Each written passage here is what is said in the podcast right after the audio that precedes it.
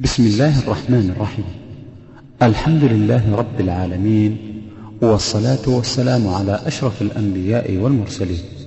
أيها الإخوة الأحبة في الله يسر إخوانكم في تسجيلات الراية الإسلامية بالرياض أن يقدموا لكم دروس الدورة العلمية الخامسة والتي أقيمت بمسجد شيخ الإسلام ابن تيمية بمدينة الرياض. لعام 1419 من الهجرة المباركة ومع مقدمة لدراسة كتب أحاديث الأحكام لفضيلة الشيخ إبراهيم الصبيحي. سائلين المولى عز وجل أن يجزي الشيخ خير الجزاء وأن يجعلنا وإياكم ممن يستمعون القول فيتبعون أحسنه. الرحمن الرحيم. الحمد لله رب العالمين. الرحمن الرحيم. والعاقبة للمتقين. ولا عدوان إلا على الظالمين.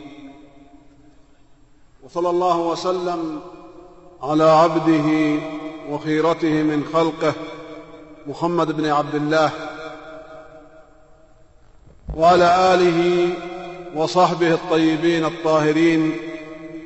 أما بعد السلام عليكم ورحمة الله وبركاته. أحمد الله سبحانه وتعالى على ما من به علينا وعليكم من هذا الاجتماع المبارك الذي قصدنا فيه التقرب إلى الله تعالى بطلب العلم.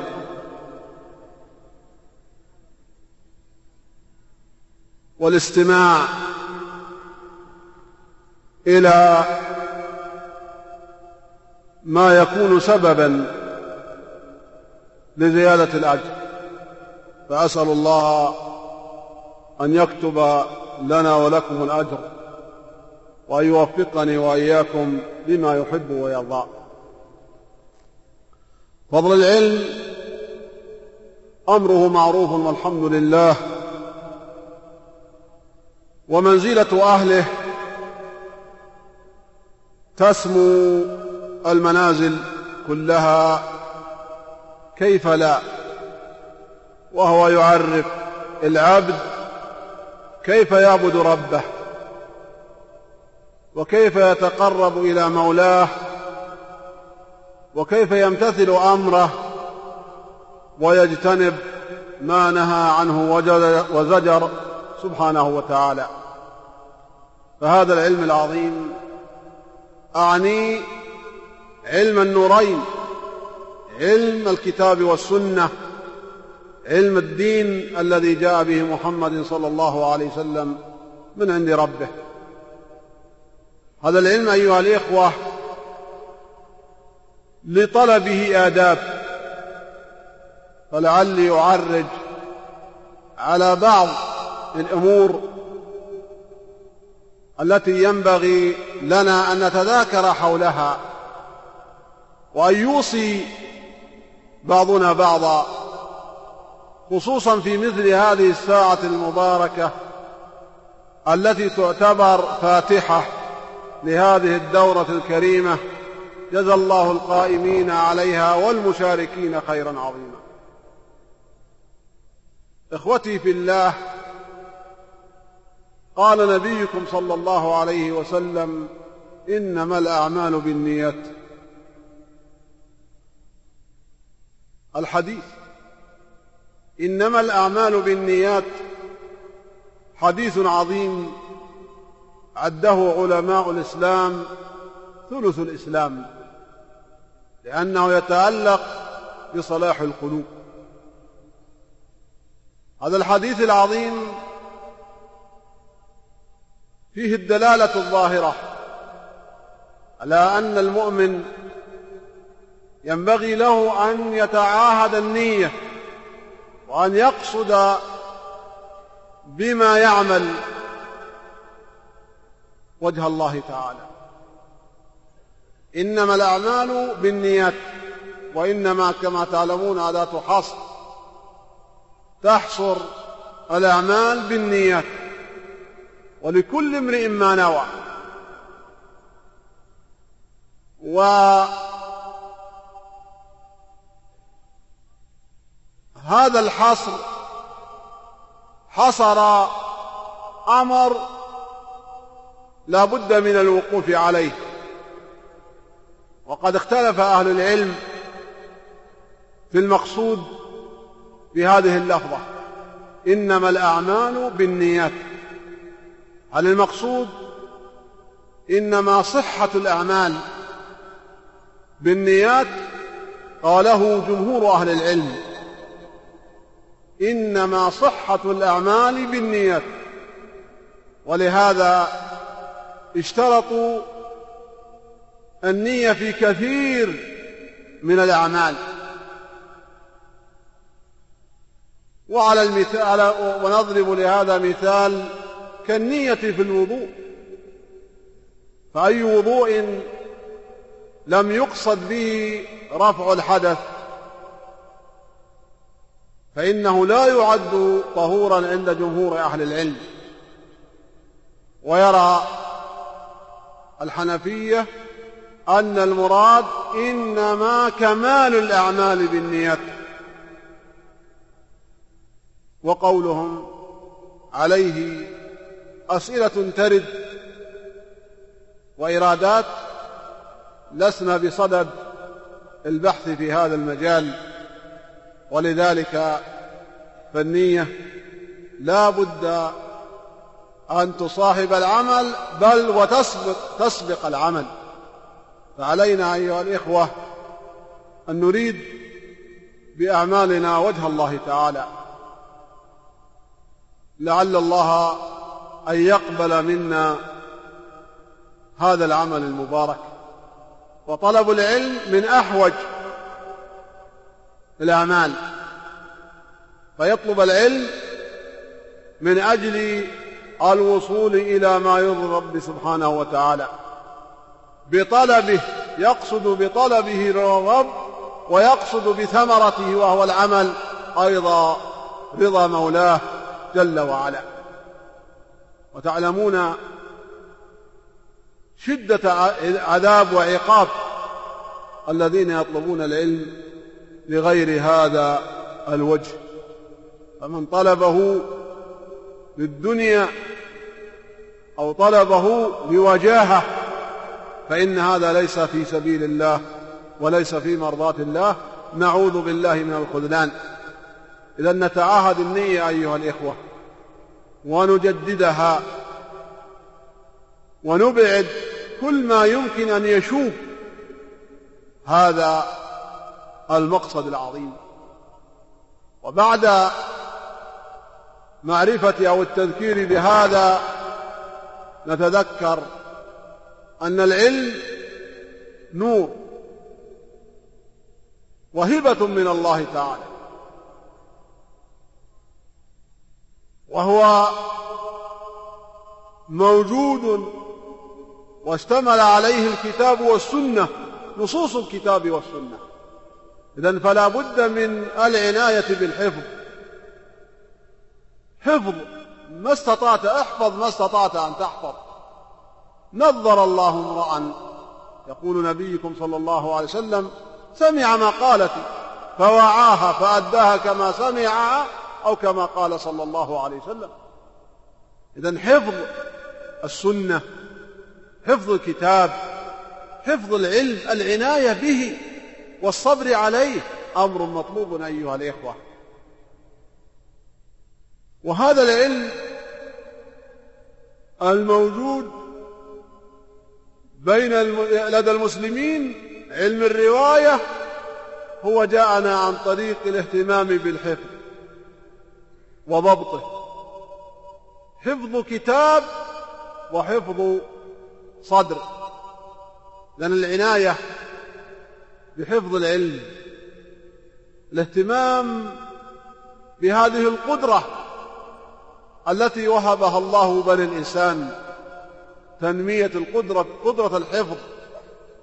وإعطائها أهمية. فإن من أسباب ضبط العلم حفظه. ولربما سمعتم من يهون من شأن الحفظ ولا شك أن أولئك من الذين قصر باعهم عن تحقيق مقاصد العلم وعن معرفة مزايا أهل العلم ومزايا الفضل في حفظه وضبطه وإتقانه. إذا يتلو العلم بل الحفظ العلم الفقه. وقد قال صلى الله عليه وسلم من يرد الله به خيرا يوفق يفقهه في الدين. من يرد الله به خيرا يفقهه في الدين. فالفقه والفقه المقصود به الفهم فهم المحفوظ فهم المسموع. فهم المتلو. إذن هذه من أسباب من أسباب الوصول إلى العلم ومعرفة العلم. فإذا أخلصت النية واجتهد الإنسان في حفظ ما يريد أن يتعلمه ثم اجتهد في فهم ما يريد أن يتعلمه أيضا. يكون قد أخذ بأسباب العلم. واستوثق لنفسه. وليكن الحفظ قبل الفهم. وهذه الصفة تتمشى مع المواهب التي وهبها الله للإنسان. ونحن ندرك جميعا أن الإنسان في صغره يحفظ قبل أن يفهم. فقدرة الحفظ في الإنسان تظهر قبل قدرة الفهم. إذن الحفظ مقدم. فيفهم ما لا يحفظ ويفهم ما لا يعرف ما نتيجته. إذن العناية بالحفظ أولا ثم الفهم ثانيا. ولربما إذا مر بالإنسان سنين من الطلب قد يتصاحبان وعلى كل فإن الله أعطى الإنسان أو بني الإنسان عموما مواهب ومنها سبق الحفظ على الإدراك والفهم. يتلو هذه الأسباب الثلاثة سبب آخر وهو العمل. العمل الحرص على العمل بما تعلمت يا أخي. اتقوا الله ويعلمكم الله. فالتقوى العمل الاجتهاد بتنفيذ ما تعلمت من واجبات وسنن والاجتهاد باجتناب ما كان محظورا في الشرع ومحرما أو مكروها. هذه تعين على على العلم. بل وتثبته وتبقيه. وكل ما يزداد الإنسان تقى بإذن الله تعالى يزداد علما. والعلم يجد مكانا عند العاملين. فتطبيق السنن واجتناب المكروهات والقيام بالواجبات واجتناب المحظورات. هذه من صفة العلماء وهي الثمرة وهي القصد من طلب العلم. ولعلكم سمعتم بشكوى الشافعي إلى شيخه وكيع. حينما قال شكوت إلى وكيع سوء حفظي فأرشدني إلى ترك المعاصي. هذه وصية الأئمة لتلاميذهم. وهذه وصية الإخوان لإخوانهم. وهذه وصية الزملاء بعضهم لبعض. تفقد نفسك إذا استعصى عليك العلم. تجد لديك خلل. إذن علينا أيها الإخوة أن نقرن العلم بالعمل. لا شك أن العلم سابق. إذ العمل لا بد أن يكون على هدي وبرهان ونور والهدي والبرهان والنور في العلم. لكن العلم بلا عمل كما في المثل شجرة بلا ثمر. وللسلف قصص في مثل هذا أعني في الحث على العمل بعد التعلم. والإنسان إذا من الله عليه بالعلم فليشكر نعمة ربه عليه. اشكر نعمة الله يا أخي على ما من الله به عليك من تيسير طلب العلم. وإن من الشكر بل من أقوى أنواع الشكر العمل بهذا العلم والنور الذي وهبه الله لك وآتاك الله إياه. لن أوصي نفسي وإخواني بضبط هذه المسائل الأربع وهي كلها عليها دليل من الكتاب والسنة. ومما أيضا ينبغي التواصي عليه. عدم التفريط بما تعلمت. كم من إخوة اجتهدوا في التحصيل وتعبوا في الصغر وتعلموا في شبابهم ولكنهم بعدما صاروا رجالا انشغلوا بمشاغل الحياة. وسعوا خلف الدنيا. وإذا بهم يكونوا عوام بما كانوا به علماء من قبل. وهذا الصنف ما أحراه أن يكون من المفلسين.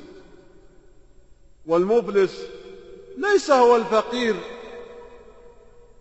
الذي نشأ في الفقر. ولكن المفلس من وجد مالا وربى ثروة ثم بعد ذلك ضاعت منه تلك الثروة. هذا مفلس الدنيا. أما مفلس الآخرة فكما جاء في الحديث يعمل بعمل ويكون له من الحسنات كالجبال ثم يظلم هذا ويبهت هذا ويتكلم في عرض هذا ويعمل كذا ثم وإذا به لا يبقى له شيء من إيه؟ من الحسنات. حين يقوم الحساب. والمفلسين من طلاب العلم أكثر من المفلسين من الدنيا. أقولها ولعلي لم أتجاوز الحد. كثير من الناس يحافظون على على ما تحصلوا عليه من ثروة. قلت أو كثرت وينفقونها بقدر. ولربما بعضهم أدى به البخل بعدم القيام بما أوجب الله عليه من حبه للدنيا. لكن طلبة العلم كثير منهم يحفظ متون ويتعلم قواعد. ويحفظ من كتاب الله ما شاء الله ويفهم كلام أهل العلم. ولربما يفوق زملاه ولربما يتحصل على شهادات علياء وهو في ذاك الزمن لديه القدرة على المناقشة وعلى طرح المسائل وعلى المتابعة وعلى الملاحظة. ثم تمر به سنين وإذا به يسأل عن مسائل كان سابقا يدركها وكان سابقا يفهمها لكنه بانشغاله في دنياه وبانشغاله في مشاغله أفلس. وأظن أننا نتفق جميعا على أنه يصح أن نعتبر هذا النوع من طلبة العلم من من الذين أفلسوا تعبوا واجتهدوا.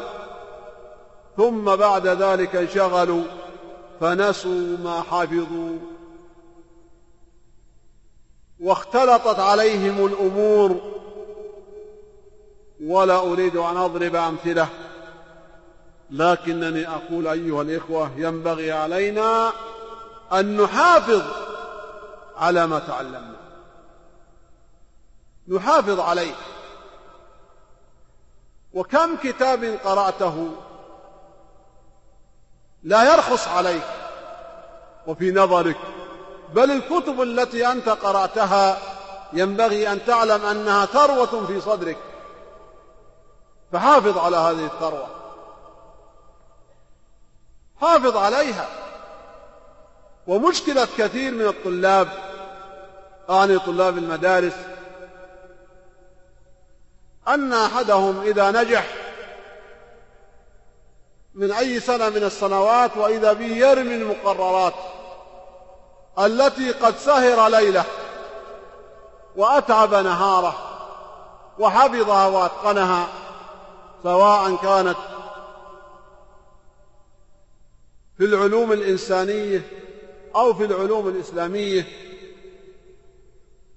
ثم يأتي يوم من الأيام وتمر عليه هذه العلوم التي سبق أن أدركها وكأنها لم تمر عليه من قبل. لكن علماء الإسلام يحافظون على ما حفظوا من مختصرات ومن مسائل في المطولات. كبار في القدر. ويعتبرون عن ويعتبرون أنفسهم أنهم ما زالوا بحاجة إلى ضبط ما حفظوا. وأذكر أن من مشايخي حفظه الله من قال من كان يقول كنت أراجع المختصرات سنويا. يقول لي مختصر في الفقه ومختصر في النحو ومختصر في الحديث ويذكر عدة علوم يقول سنويا أراجع. مع ما لديه من مشاغل ومع ما لديه من قراءة في المطولات. يقول لأن هذه تعطيني رؤوس مسائل العلم. وكم من مسألة ليس عندي وقت أن أقرأ في المطولات لكنني أضبط المختصرات. فهذه مسألة مهمة أيها الإخوة. أوصيكم ونفسي بالمحافظة على ما حفظنا. فما حفظته صار ملكا لك. سهل استذكاره. فلا تفرط أيها الإخوة. وإذا كبر سنك وكثرت قراءتك وتوسعت المكتبة فلا تغتني عما حفظته من مختصرات في الصغر. فإنها أصول العلم في الكبر. وهذه نظرية لا بد أن نتقنها وندركها جميعا أيها الإخوة حتى لا نزهد بالمختصرات حينما تكون لدينا الكتب الطوال المطولات. ولعلي أذكركم بما عمله الإمام الموفق شيخ الإسلام ابن قدامة رحمه الله. هذا الإمام الذي رزقه الله من العلم ورزق الله كتبه القبول. يقول عنه شيخ الإسلام ابن تيمية رحمة الله عليه ما دخل الشام بعد الإمام الأوزاعي أفقه من ابن قدامة. هذا الإمام صنف أربعة كتب وهو إمام حبر في الأمة عالم صنف مختصر وصنف أطول منه ثم صنف الكافي ثم ختمها بالمغني الذي يعتبر كتاب فقه الإسلام بما حواه من مذاهب المسلمين ومن الاستدلال بالكتاب والسنة إذا هذا الإمام مع مكانته صنف أربعة كتب من أجل أن هذا العلم يبقى. يسهل عليك أن تراجع العمدة لأنها كتاب في ورقات لكنها شملت أبواب الفقه. ويصعب عليك أن تقرأ المغني من ألفه إلى يائه لأنه كتاب ضخم وكبير لكنك ترجع إليه عند الحاجة. إذا يصح أن نقول من ليس له مختصرات ربما يخشى عليه أنه ليس له معرفة في كل مسائل العلم.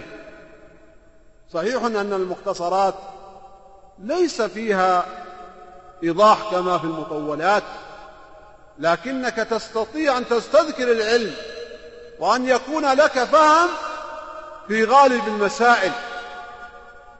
ولا يمنع هذا من العناية بالمطولات والعناية بما دون المطولات. ولأهل الحديث أيضا طريقة في التصنيف. فقد اهتم علماء الحديث بسنة رسول الله صلى الله عليه وسلم. اهتموا بها جمعا ورواية ودراية.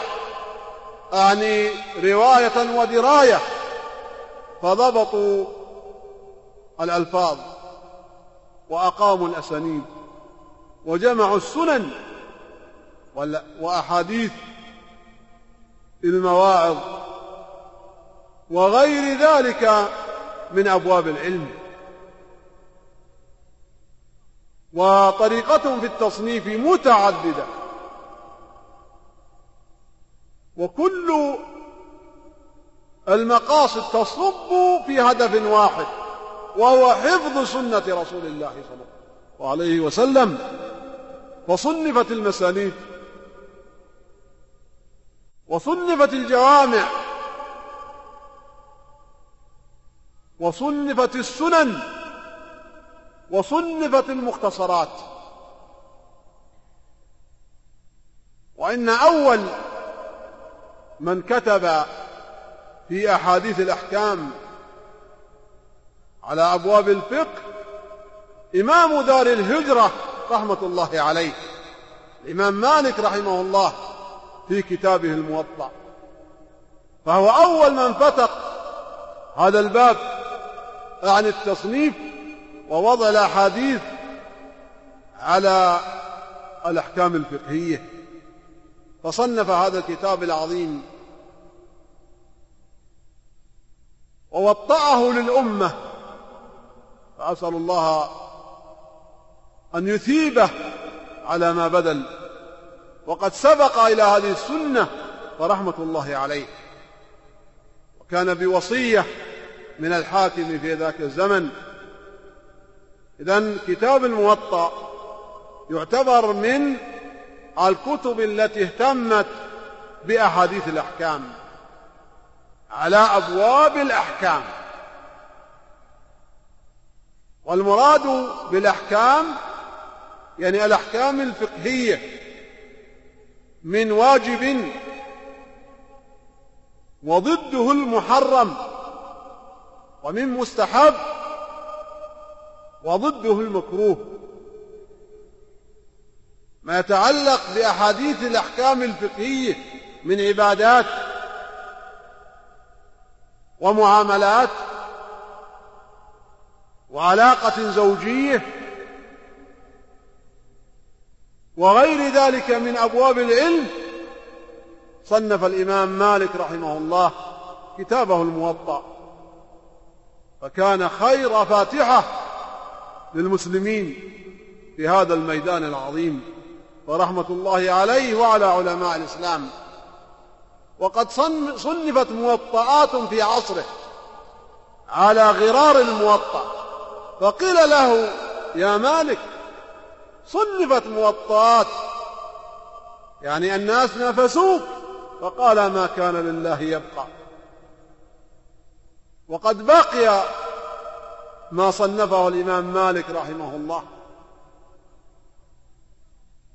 وغيرها اندرست لكن العلم موجود.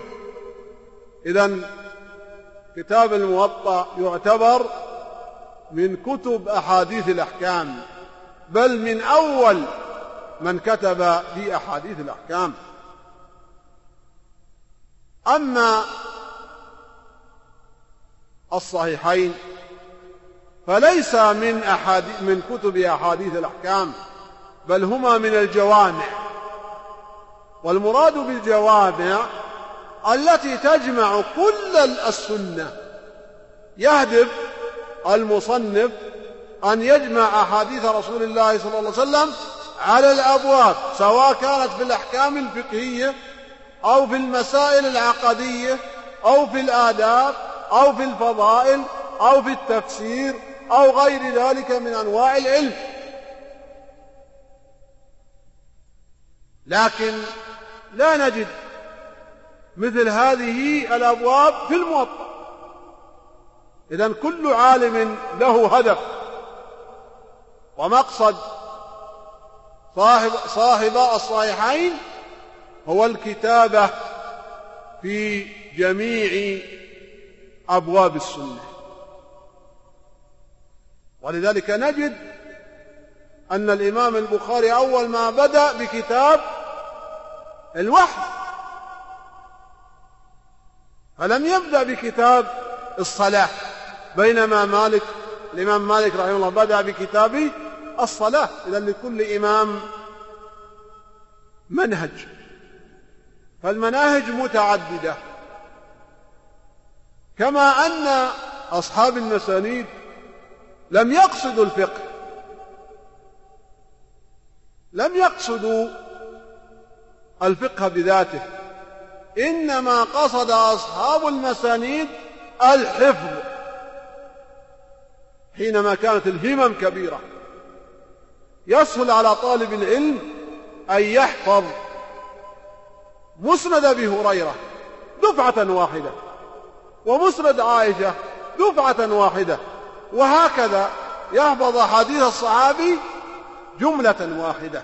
لكن أن يحفظ حديث لأبي هريرة وآخر لعائشة وهكذا يقول أن هذا يشتت الذهن. فصنفوا على المسانيد.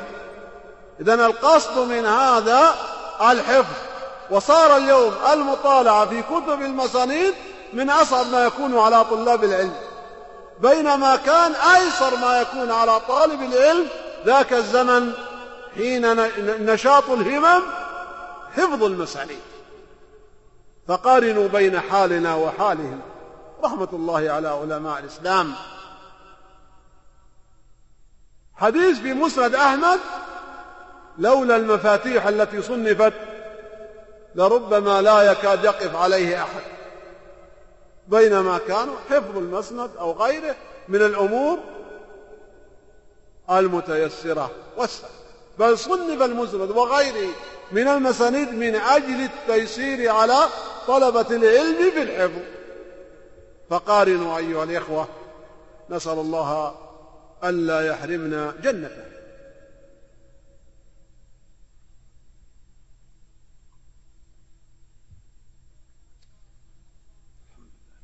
سلك أيضا جماعة من أهل العلم التصنيف في أحاديث الأحكام. منهم أصحاب السنن الأربع. أعني أبا داود والترمذي وابن ماجه والنسائي. هؤلاء صنفوا كتبهم ولم يصنوها الجوامع. إنما صنفوها وسموها السنن. والمراد بالسنة السنة المرفوعة. يعني الأحاديث المرفوعة إلى رسول الله صلى الله عليه وسلم. فلم يعولوا على الموقوفات. وإن ورد فهو يعتبر نذر يسير. إذا تعويل أصحاب السنن قصدوا ما قصد مالك رحمه الله من جمع الأحاديث على أبواب الفقه ولم يقصدوا أن يجمعوا كما قصد الإمام البخاري والإمام مسلم. والمراد بالسنن المراد بها الأحاديث المرفوعة وهي تعتبر من المطولات. في أحاديث الأحكام. مطولات. جمع أبو داود رحمه الله ما رأى أنه يصلح للاحتجاج. بل ويصلح للاعتبار. إذا كل ما يرى أنه صالح سواء للاحتجاج أو للاعتبار على اختلاف في تفسير كلامه رحمه الله أدخله في كتابه. من أحاديث الأحكام. وأحاديث الأحكام السنن المرفوعة. ولم يقصد هؤلاء الأئمة الأربعة إدخال السنن بل يقصد الموقوفات ولا المقاطيع. كذلك أيضا صنف في أحاديث الأحكام أصحاب المصنفات. مصنف الشيخ عبد الرزاق ومصنف ابن أبي شيبة. وهي أيضا أحاديث كتب اهتمت بأحاديث الأحكام. اهتمت بأحاديث الأحكام لكنها تختلف عن السنن. ووجه الاختلاف أن المصنفات لم تخصص بالسنن المرفوعة بل فيها المرفوع. إلى النبي صلى الله عليه وسلم والموقوف على الصحابي وفيها أيضا المقطوع. والمقطوع غير المنقطع أيها الإخوة. المقطوع الموقوف على التابعي. يعني أقوال التابعين تسمى عند أهل العلم مقطوع. والموقوف هو ما روي من قول الصحابي أو فعله. والمرفوع ما روي عن النبي صلى الله عليه وسلم من قوله أو فعله كما في تعريف السنة عند الأصوليين. إذا هذه من أنواع كتب أحاديث الأحكام. وللأئمة مناهج. ومن أوضح من شرح منهجه أبو داود رحمه الله في رسالته إلى أهل مكة. فقد أبان عن منهجه وبين طريقته. وللترمذي منهج. وللنساء منهج ولابن ماجة منهج والمطولات تبين مناهج الأئمة. لكن نحن لدينا آه المنهج العام للمحدثين لا منهج كل إمام بحد ذاته. جاء علماء العلماء المتأخرون عن الجامعين فرأوا أن هذه مطولات. فرأوا الاختصار. ورأى بعضهم أن هذه مختصرات. فرأى التطبيق. نظرتم إلى الهمم. همم العلماء مختلفة. السنن الأربع المصنفات الموطأ. بعض أهل العلم رأى أنها مطولات فرأى الاختصار. وبعض أهل العلم رأى أنها مختصرات فرأى التطويل. من الذي رأى التطويل؟ الإمام البيهقي رحمه الله. فألف كتابه السنن الكبرى. وهذا يعتبر أطول كتاب أو أوسع كتاب اشتمل على أحاديث الأحكام. مع العناية بالتخريج بالعزو إلى الأئمة والعناية أيضا بالكلام على بعض الأسانيد من تضعيف أو تصحيح. إذن الإمام البيهقي رحمه الله جمع كل ما استطاع أن يجمعه من أحاديث الأحكام. فجاء السنن الكبرى. كتاب عظيم. له منزلة عظيمة. لدى علماء الإسلام لما حواه هذا الكتاب من سنن عظيمة بل يكاد يحوي غالب أحاديث الأحكام. ومدحه الأئمة كما مدحوا المغني وغير من كتب الإسلام التي اهتمت بجمع هذا العلم الشرعي. آه فإذا الإمام البيهقي جمع وتوسع. غيره رأى أن هذه الكتب عن السنن وما مثلها مطولات فرام الاختصار. ومن ذلك المقدسي رحمه الله رأى أن يجمع عمدة الأحكام وهي أحاديث مستخرجة من الصحيحين بل أخرج ما اتفق عليه البخاري ومسلم فجمع خمسمائة حديث اتفق عليها البخاري ومسلم وسماه عمدة الأحكام. عمدة يعني الأحاديث التي يعتمد أو تكاد تكون أصل أدلة الأحكام ولم يقصد الاستقصاء. وهذا يشعر به كتابه. العنوان يشعر بهذا العمدة. فأخذ أحاديث أحاديث أحاديث الأحكام وجعله كتاب له وجود تصنيفه وأثنى عليه العلماء وهو المعروف بالمحرم. فهذه الكتب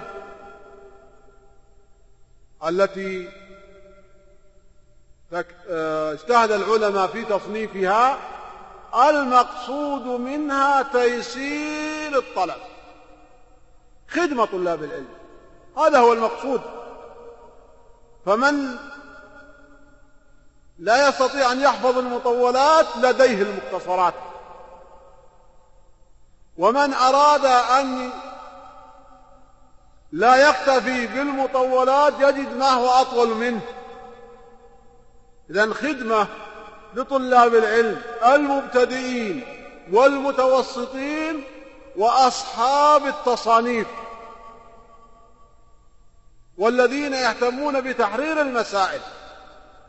فجاءت الكتب متنوعة ومتعددة. تيسيرا للعلم وتسهيلا للطلبة.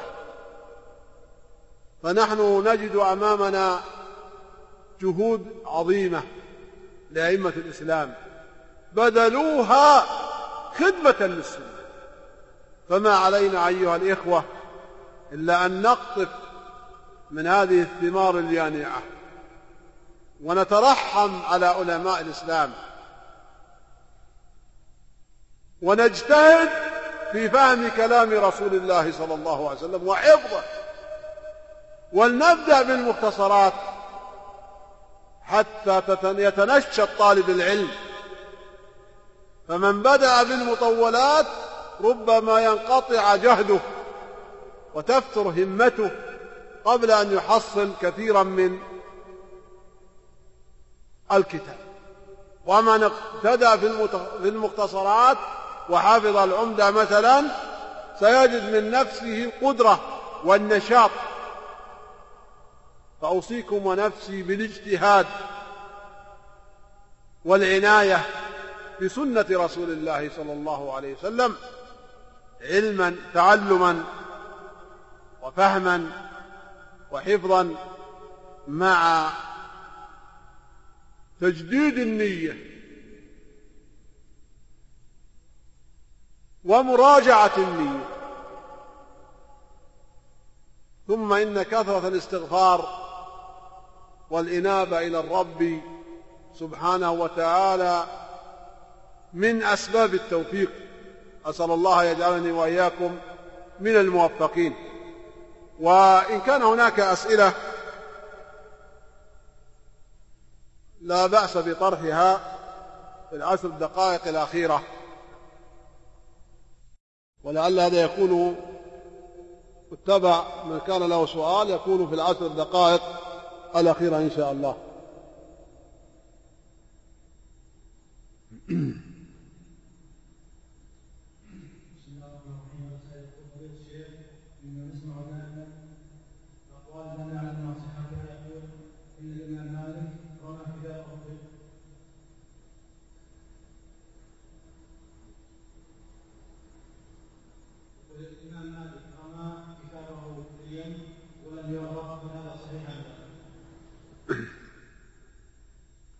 هذه المقولات وأمثالها تحتاج إلى سند خصوصا ونحن نجتمع لدراسة حديث رسول الله صلى الله عليه وسلم. ولدينا والحمد لله العناية ونعرف أن الطريق لمعرفة كلام رسول الله صلى الله عليه وسلم من كلام غيره هو الإسناد. فأهل العلم يهتمون بأسانيد. وذكر الكرامات أو وجود الكرامة أو عدم وجودها للشخص أو لغيره لا يعني القبول وعدم القبول عند الرب سبحانه وتعالى. والكتاب الموطأ كتاب من كتب السنة. وقد روي عن الإمام مالك ثلاثين رواية. يعني ثلاثين موطأ.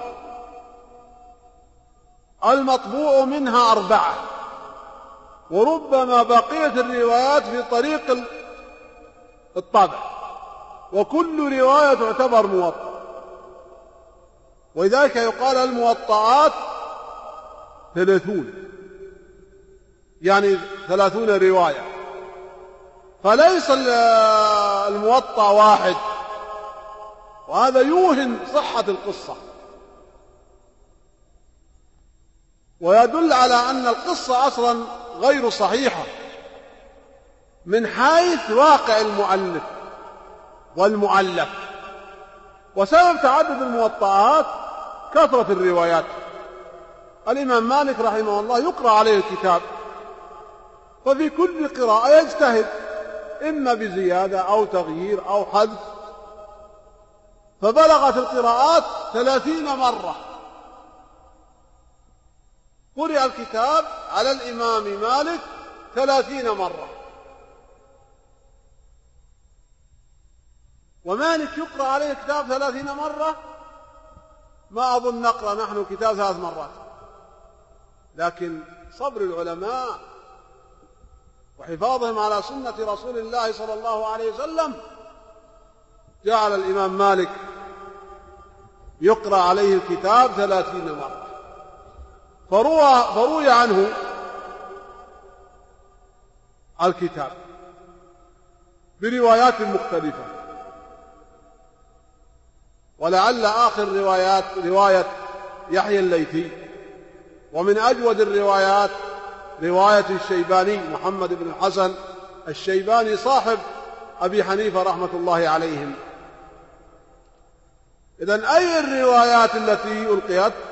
الظاهر أن القصة منتحلة لكن لا يعني عدم ثبوت الكرامة أو عدم ثبوت القصة التوهيم من الكتاب بل هذا الكتاب احتوى على كلام رسول الله صلى الله عليه وسلم وغالب الكتاب أحاديث صحيحة بل فيه سلسلة الذهب. مالك عن نافع عن ابن عمر عن النبي صلى الله عليه وسلم. ويقال إن أحاديثه كلها وجد لها سنيد أعني المراسيل والم... والبلاغات إلا أربعة أحاديث. وللإمام مالك منهج في التشدد في الرواية عن الشيوخ وأنه قال أدركت سبعين رجلا في مسجد رسول الله صلى الله عليه وسلم كل واحد أرجو أن يكون مستجاب الدعوة فلم أروي عن واحدا منهم. ويعتبر الإمام مالك رحمه الله من أول من أظهر التشدد في الرواة في الشيوخ. وإن كان منهجه لم يسلكه العلماء أو غالب العلماء وهو خال البلاغات والاحتجاج بالمراسيل على خلاف بين أهل العلم. ولعلنا فيما بعد إن شاء الله في دروس قد نشير إلى شيء من هذا.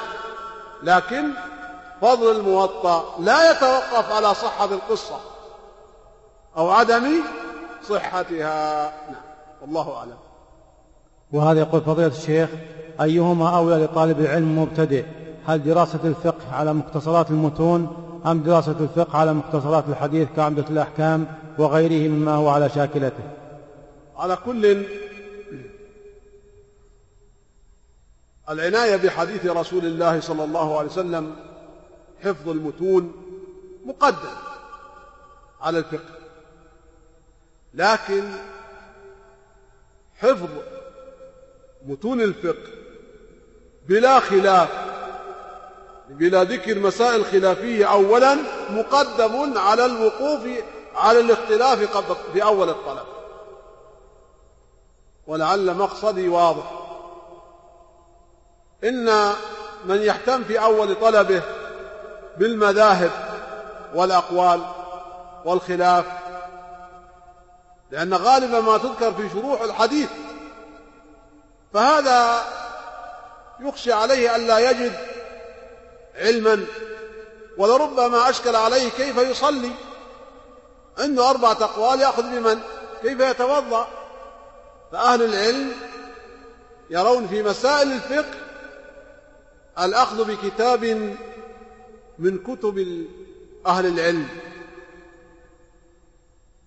وحفظه ومعرفته ثم بعد ذلك التوسل. وأما التقديم فتقديم الحديث أولى من تقديم كلام الرجال لأن كتب الفقه هي استنباطات العلماء قد تصيب وقد تخطئ. لكن كلام رسول الله صلى الله عليه وسلم هو بيقين حق. فإذا أراد الفقه يتفقه على كتاب مختصر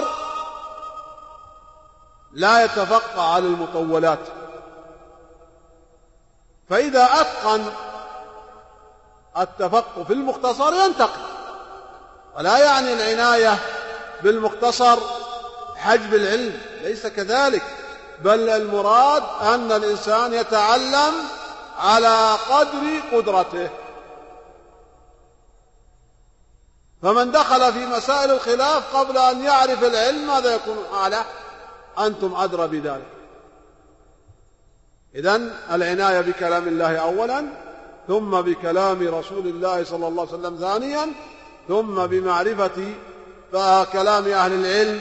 لكن لا على طريق الاختلاف إنما على طريق ضبط نص أو مختصر من المختصرات ثم بعد ذلك له أن يتوسع والعلماء صنفوا كما قلت لكم طريقة الإمام الموفق ابن قدامة.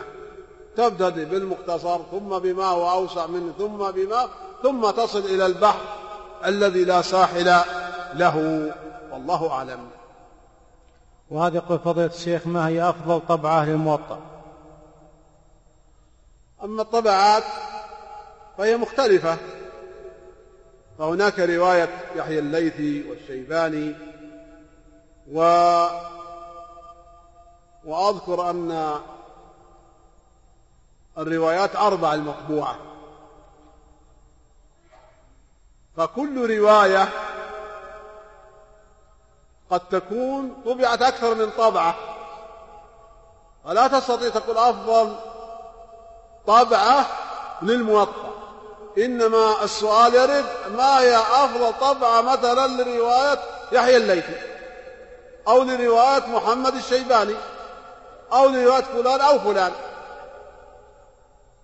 حتى يكون السؤال ظاهر لأن كل طبعة من طبعات الموطأ لرواية من الروايات. نعم.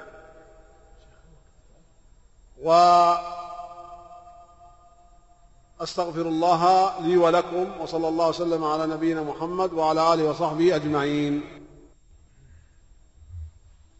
بسم الله الرحمن الرحيم. الحمد لله رب العالمين. والصلاة والسلام على نبينا محمد وعلى آله وصحبه أجمعين أما بعد. وقد عرفنا والحمد لله بالأمس بعض مناهج الأئمة في التأليف في السنة وتعدد المصنفات لتعدد الأغراض وأن من أغراضهم رحمة الله عليهم جمع الأحاديث المتعلقة بالأحكام الفقهية. وإن هؤلاء الأئمة آن الذين اعتنوا بجمع أحاديث الأحكام كان لهم شرط يكاد يتفق عليه. ألا وهو عدم الاحتجاج بالحديث الضعيف.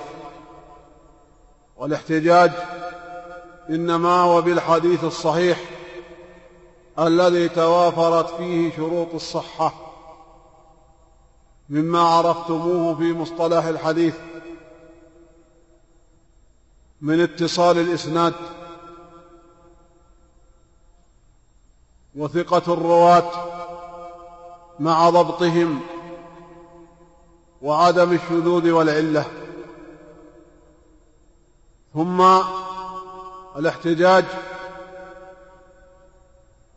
بالحديث الصحيح لغيره وهو الحسن إذا تعددت طرقه. والحسن شروطه شروط الصحيح إلا أن ضبط الراوي يخف. فيكون ضبط أحد الرواة أخف من ضبط الثقات. ثم الاحتجاج أيضا بالحسن لغيره وهو الضعيف المنجبر الضعيف الذي يوجد له شاهد. هذه أربعة أنواع من الأحاديث هي التي يحتج بها الأئمة في المسائل الفقهية والحديث أما الحديث الضعيف الذي ليس له منجبر فلا يحتج به إلا في مواضع ولا يريدوه إلا في مواضع. سأبين لكم شيئا منها. والأئمة رحمهم الله اهتموا بطرق الحديث وتتبعوها لأنها تقوي الحديث الذي ينجبر وترفع الحسن من الحسن لذاته إلى الصحيح لغيره والحديث الذي تعددت طرقه يكون أقوى من الحديث الذي لم يرد إلا من طريق واحد عند التعارض والترجيح. إذا لماذا يورد الأئمة الحديث الضعيف في كتب أحاديث الأحكام مع أن كلماتهم تنص على أن العبرة إنما هو بما كان صحيحا؟ ولنستمع إلى بعض مقولاتهم في ذلك وهي كلمات تدل على أن الاحتجاج إنما يكون بالحديث الذي قوي لا الحديث الذي بقي على حاله من الضعف. يقول الخطيب البغدادي رحمه الله قد ورد عن غير واحد من السلف أنه لا يجوز حمل الأحاديث المتعلقة بالتحليل والتحريم إلا عمن كان بريئا من التهمة بعيدا من الظنة. المراد بالتهمة تهمة الكذب غير متهم يعني لا يكون حديثه متروكا. وأما أحاديث الترغيب والمواعظ ونحو ذلك فإنه يجوز كتابتها عن سائر المشايخ يعني أنهم يتساهلون في أحاديث الوعظ ويتشددوا في أحاديث الأحكام التي يبنى عليها الحرام والحلال.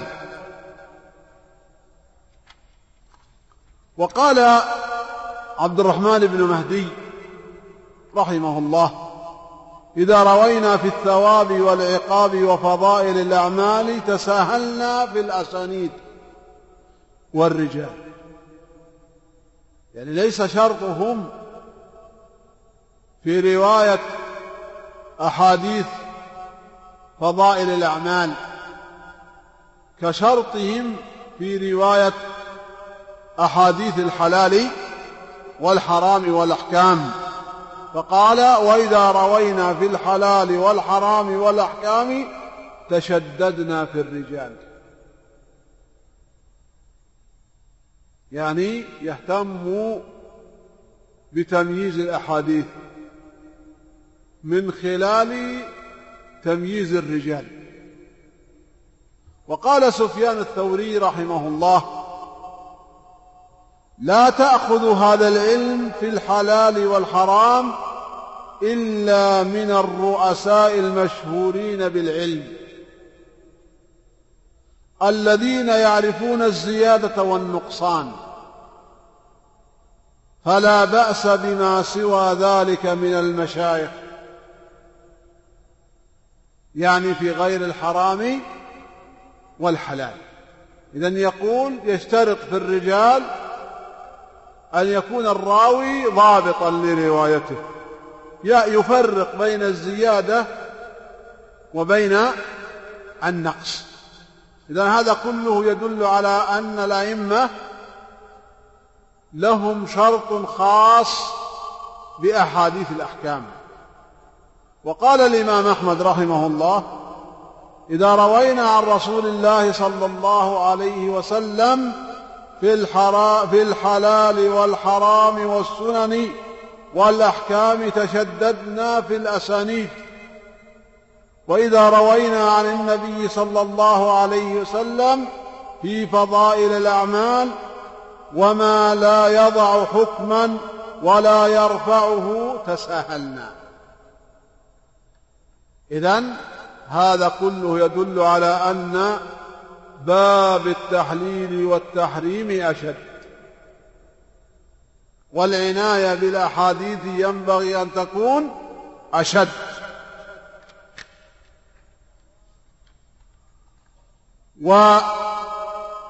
والمقولات في هذا كثيرة.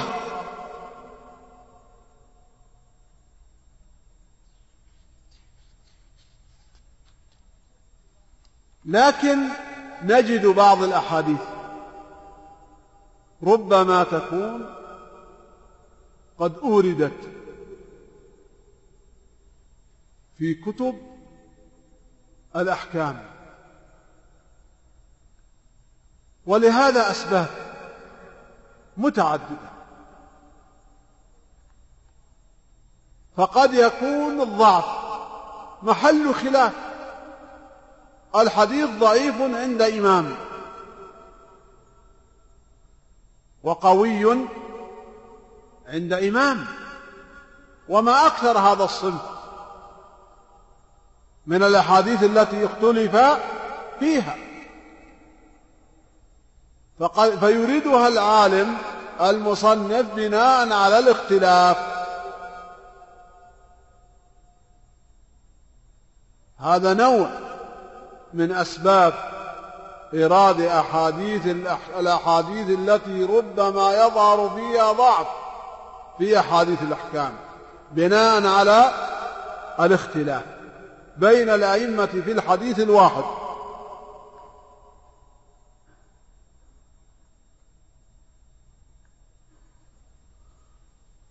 مثال ذلك الاحتجاج بالحديث المرسل. بعض الأئمة يرى صحة الاحتجاج بالحديث المرسل ويرى آخرون أن الحديث المرسل ضعيف ما لم يرد ما يعضده. وهذا باب واسع من أبواب الكلام بالأحاديث. فالمرسل عند قوم حجة وعند آخرين ليس بحجة. فيورد بناء على هذا الاختلاف ويوضع في باب من أبواب الأحكام بناء على ما ورد في المسألة من خلاف. أن يكون الحديث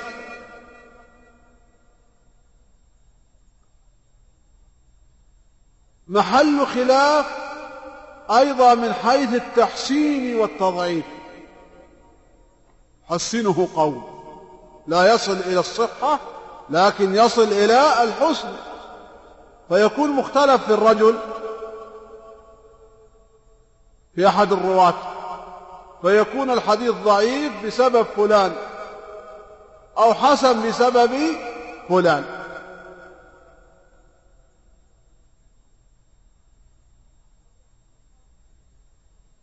أن يكون الحديث مما تلقاه العلماء بالقبول. أو بعض العلماء. أو جمهور العلماء. وهذا الصنف من الاحتجاج وتقوية الحديث ضرب الإمام الترمذي فيه باعا طويلا. فالذي يقرأ في سنن الإمام الترمذي يجد أنه كثيرا ما يقول والعمل على هذا عند أهل العلم أو يقول والعمل على هذا عند بعض أهل العلم. إذن يختم الحديث ويجعل من أسباب إيراده وتقويته العمل عليه. عندهم أو عند الجمهور أو عند بعض أهل العلم. فمراد الإمام الترمذي بهذا أن الحديث قد تحسن وتقوى. لقبول الأئمة له فيريده مورد بصرف النظر عما ذكر الإمام الترمذي من غير ذكر الإمام الترمذي لما قال فيظهر أن في الحديث ضعف لكن هذا الضعف لو ضم إليه كلام الإمام الترمذي لماذا؟ لتحسن وصار الحديث فيه قوة لقبول الأئمة؟ له إذن هذا من صنيع الأئمة رحمهم الله أنهم ينظرون إلى مدى قبول الأئمة للحديث أو مدى قبول بعضهم له. حتى أن الإمام الترمذي رحمه الله قال في كتاب العلل كل ما في كتابي يعني السنن. قد عمل به أهل العلم أو بعضهم إلا حديثين فقط. إذا كل ما في سنن الترمذي مما قبله العلماء إما باتفاقهم أو على الاختلاف فيما بينهم. إذا كل الأحاديث الموجودة في سنن الترمذي قد عمل بها بعض أهل العلم. ثم استثنى من ذلك حديثين. وقد قام الإمام ابن رجب رحمه الله في شرح العلل بشرح هذه المقالة. وأوصل الأحاديث إلى عشرين. ليست في سنن الترمذي لكن عند غير الترمذي على الاختلاف أيضا في مدى دقة كلام ابن رجب مدى على مدى الموافقة ومدى المخالفة له. إذا الأئمة يجعل من أسباب تقوية الحديث القبول قبول العلماء له وعملهم. به ينهض في رفع سنده لتقبل الأئمة له بالعمل. هناك مسألة دقيقة. إذا اختلف العلماء على قولين مثلا وكان الأحوط وكان الأحوط العمل بأحد القولين. كأن يكون في المسألة خلاف جماعة يقولون يجب العمل بهذا الحكم وجماعة آخرون يقولون يستحب. فترد أحاديث ضعيفة تقوي جانب الاحتياط. ما هو الاحتياط؟ القول بالوجوب. مسألة فيها قولان لأهل العلم. جماعة قالوا باستحباب العمل وجماعة قالوا بوجوب العمل. ترد أحاديث. في جانب تقوية جانب الاحتياط وهو الوجوب.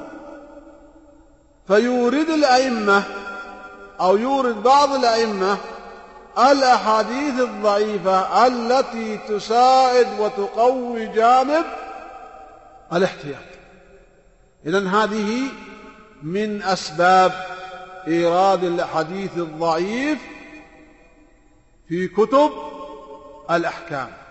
أن يكون الحديث الضعيف يدل على ما دل عليه الأحوط. تعلمون أن أئمة من مقاصدهم إبراء الذمة. فإذا اختلف في مسألة على قولين وكان الترجيح ليس بالقوي لتكافؤ الأدلة يقول الأحوط كذا. براءة للذمة. يكون هناك حديث يدل على هذا الأحوط وهو ضعيف فيحتج به الإمام لا لأنه عمدة لكن لكونه فيه الاحتياط. إذا من أسباب إيراد الحديث الضعيف في كتب الأحكام ومسائل الخلاف كون الحديث يدل على الأحوط.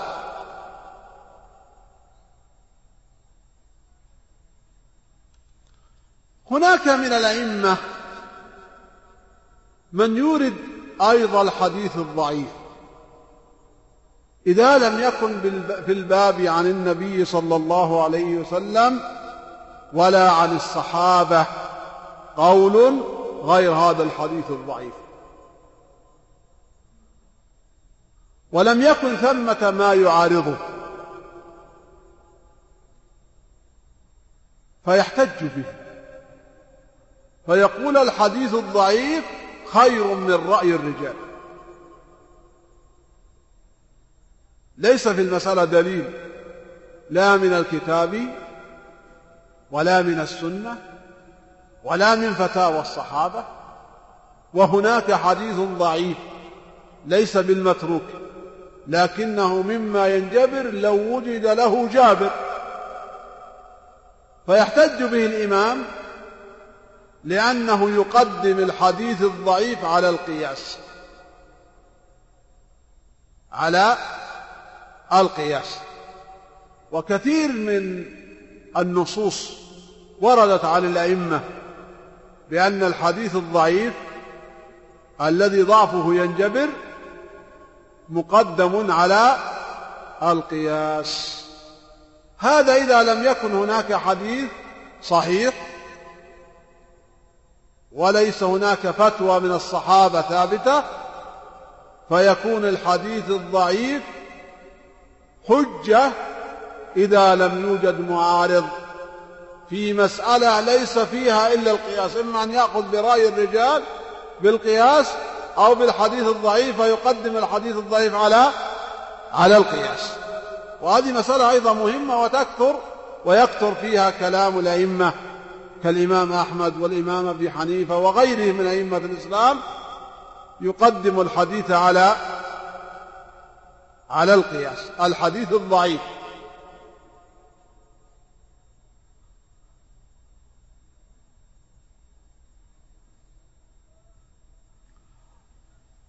آه، هناك مسألة وهي ما إذا كان الحديث الصحيح يحتمل معنيين.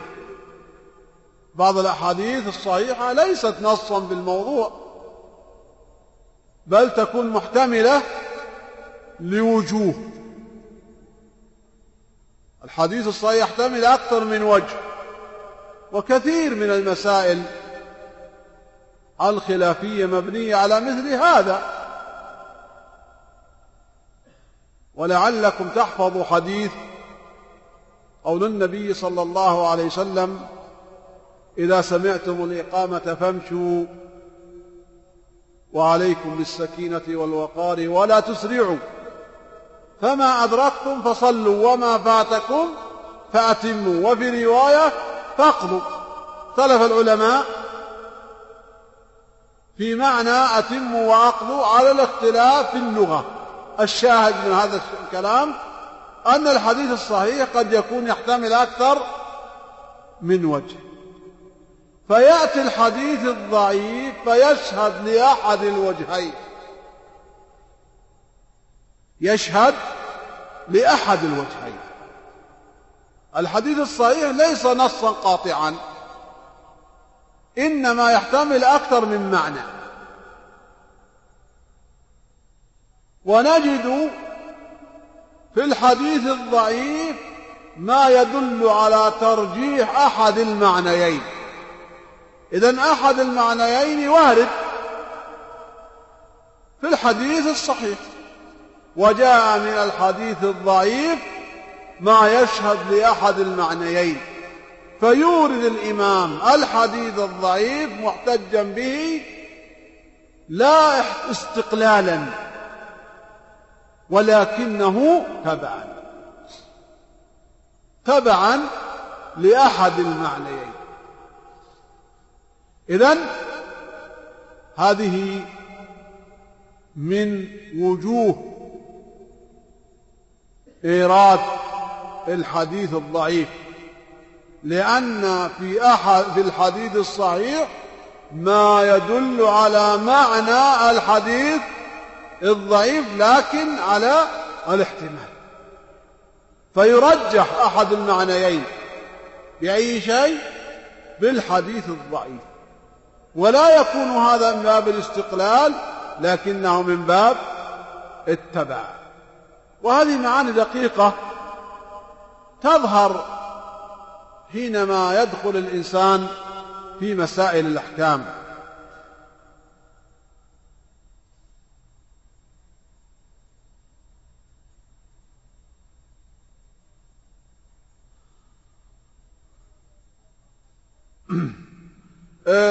أيضا قد تجد في كتب أحاديث الأحكام أحاديث ضعيفة لكنها لا تورد على سبيل الاحتجاج.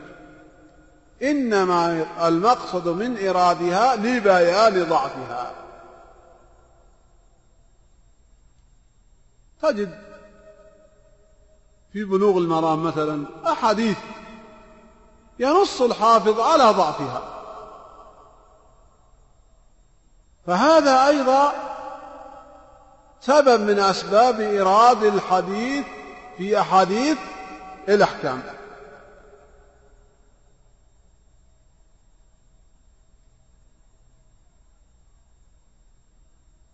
هناك أيضا سبب من الأسباب وهو أن العالم يريد أن يستقصي أدلة المسألة.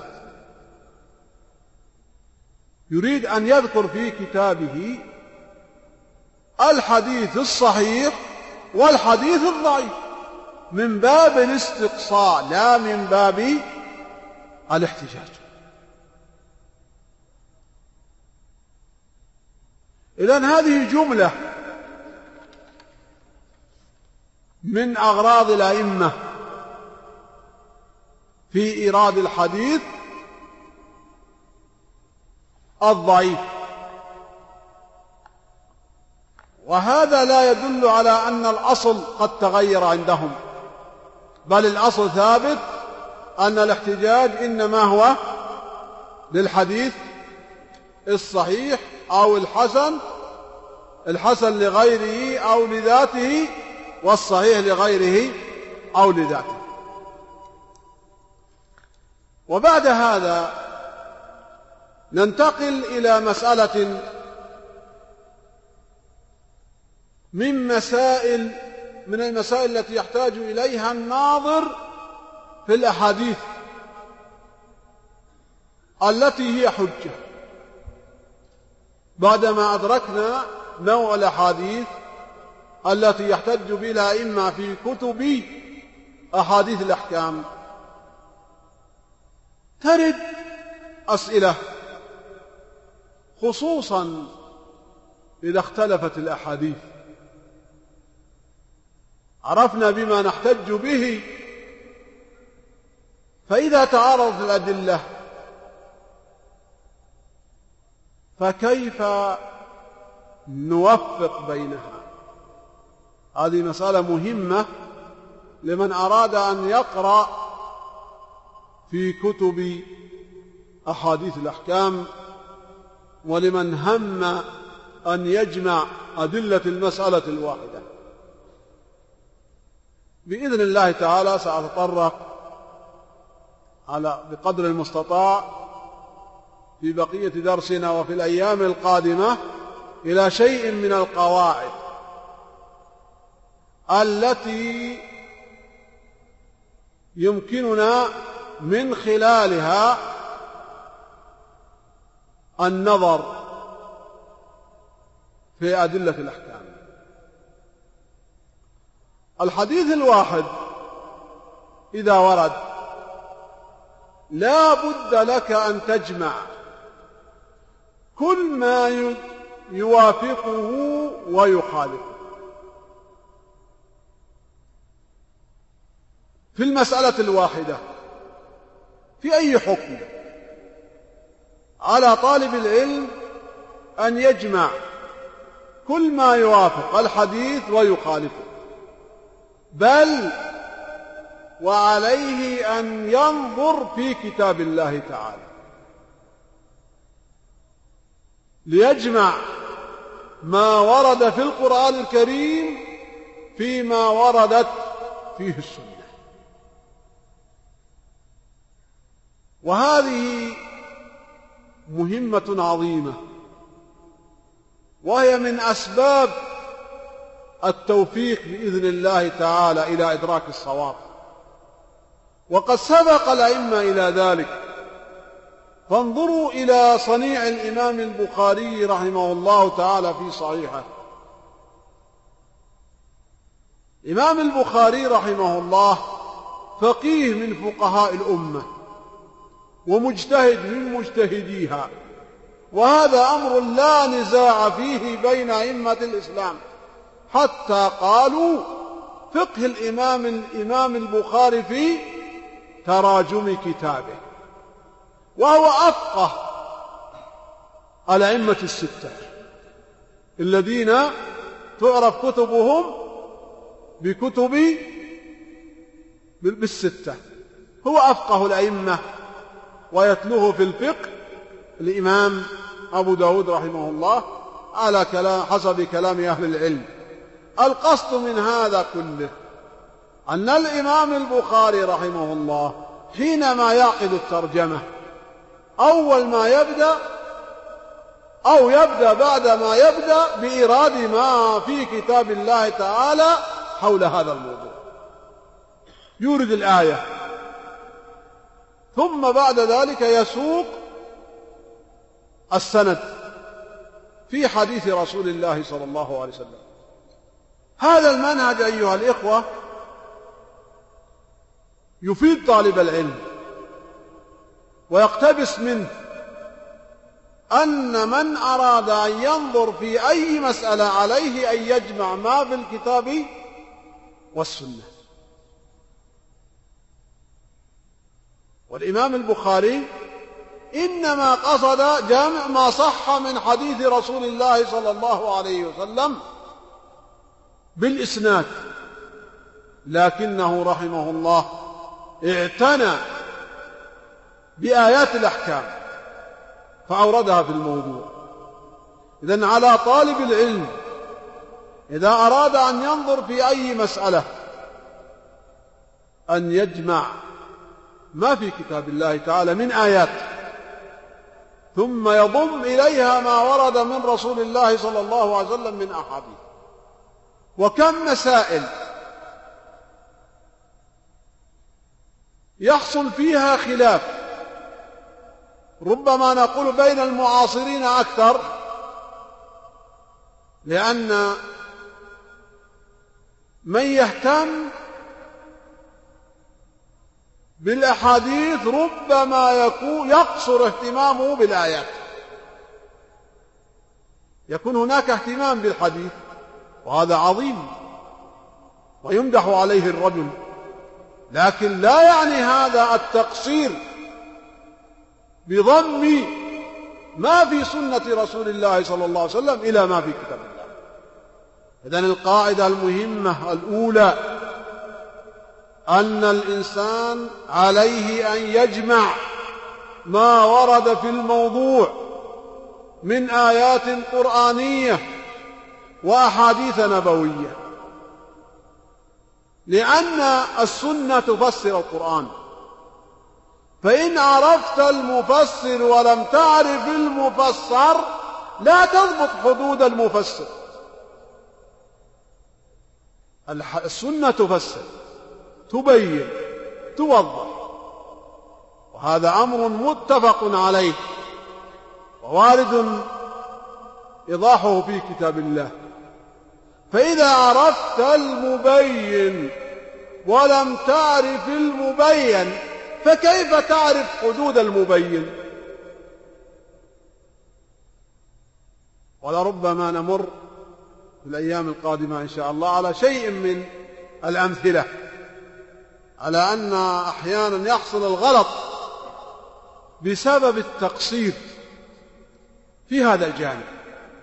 فعلينا أيها الإخوة الكرام أن نتواصى فيما بيننا بالعناية بأدلة المسألة.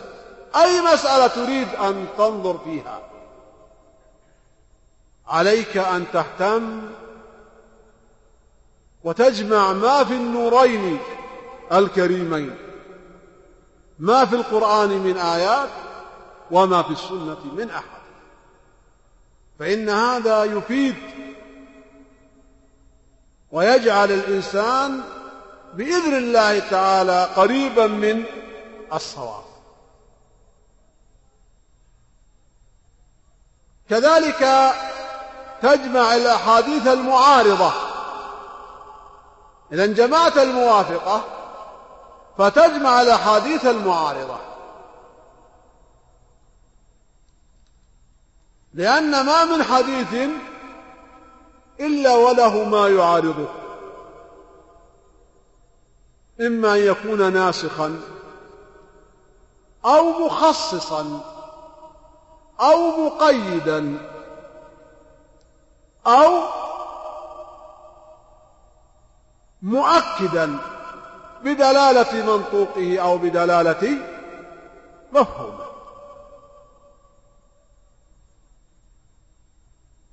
فتجمع الموافق وتجمع الحديث المخالف. ولعلكم تحفظون مقالة الإمام علي رضي الله عنه. حينما رأى رجلا يعظ الناس ويرد الآيات القرآنية في مقولاته. فقال له أتعرف الناسخ من المنسوخ؟ قال لا. قال إذا فلا تعظ الناس. لماذا؟ لأنه ربما ألزم الناس بحكم منسوخ وترك الناسخ. فيكون قد أساء على نفسه وعلى من وعظه. فالمعارض لا بد من فهمه.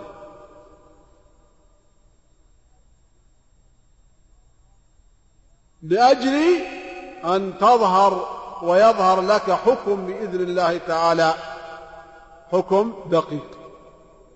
الناحية الثانية المهمة بعد جمع الأدلة من الكتاب والسنة الموافقة والمخالفة.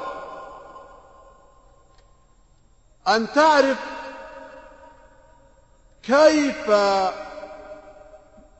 كيف الطريقة للنظر في هذه الأدلة.